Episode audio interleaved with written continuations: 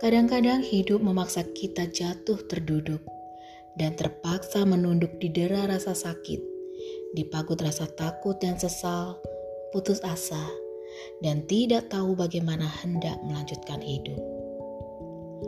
Namun, seperti yang sudah-sudah, bila kita tidak memaksa segera berdiri atau menuntut kaki untuk berlari, dan akhirnya hanya berputar-putar di lingkar yang sama tetapi menerima saja duduk terpuruk yang selalu hanya sementara, maka semua akan baik-baik saja. Sejauh apa pun dan di mana pun kita telah tersesat, selama kita masih kuat berjalan, masih mampu menarik nafas, kendati selangkah demi selangkah, terus berjalan lurus ke arah yang sama kita akan sampai juga ke sebuah tepian, melihat pertanda, dan bahkan mungkin cahaya.